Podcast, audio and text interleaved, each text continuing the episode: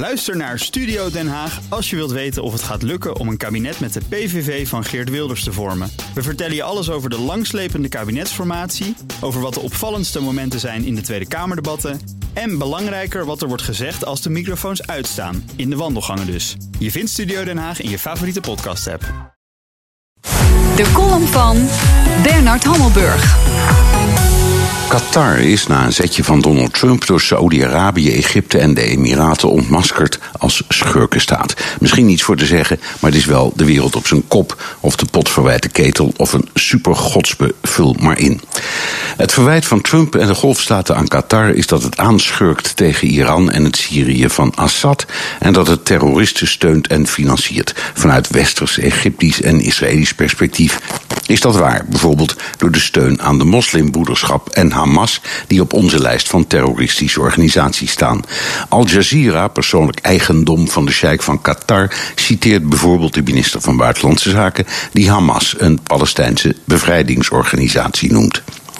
Het is geen frisse boel in Qatar. Denk aan de ronduit gruwelijke berichten over de slavenarbeid bij de bouw van het stadion voor het WK van 2022. Verhalen waarvan de FIFA zich opmerkelijk weinig aantrekt. Dat is klaarblijkelijk standaard bij de FIFA, want over de slavenarbeid door Noord-Koreanen in Sint-Petersburg voor het WK van volgend jaar haalt de voetbalassociatie ook de schouders op.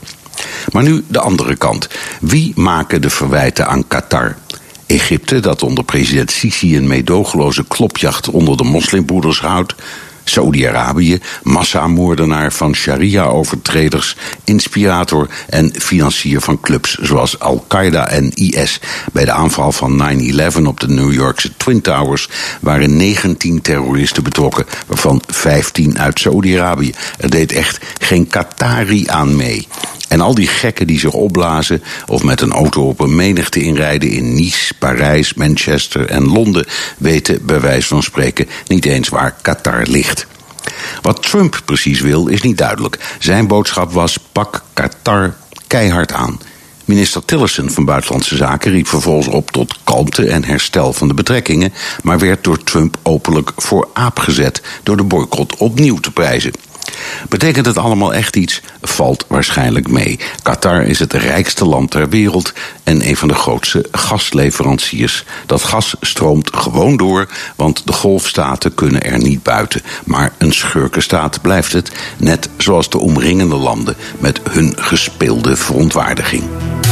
Dat zei onze buitenlandcommentator Bernard Hammelburg in zijn column elke woensdag. En die kunt u teruglezen en luisteren op bnr.nl en in de BNR ook Diana Matroos vind je in de BNR-app. Ja, inderdaad. Je kunt live naar mij luisteren tijdens de Big Five. Ook handig in de BNR-app. Breaking nieuwsmeldingen, maar ook het allerlaatste zakelijke nieuws. En je vindt in de app alle BNR-podcasts, waaronder Wetenschap Vandaag. Download nu de gratis BNR-app en blijf scherp.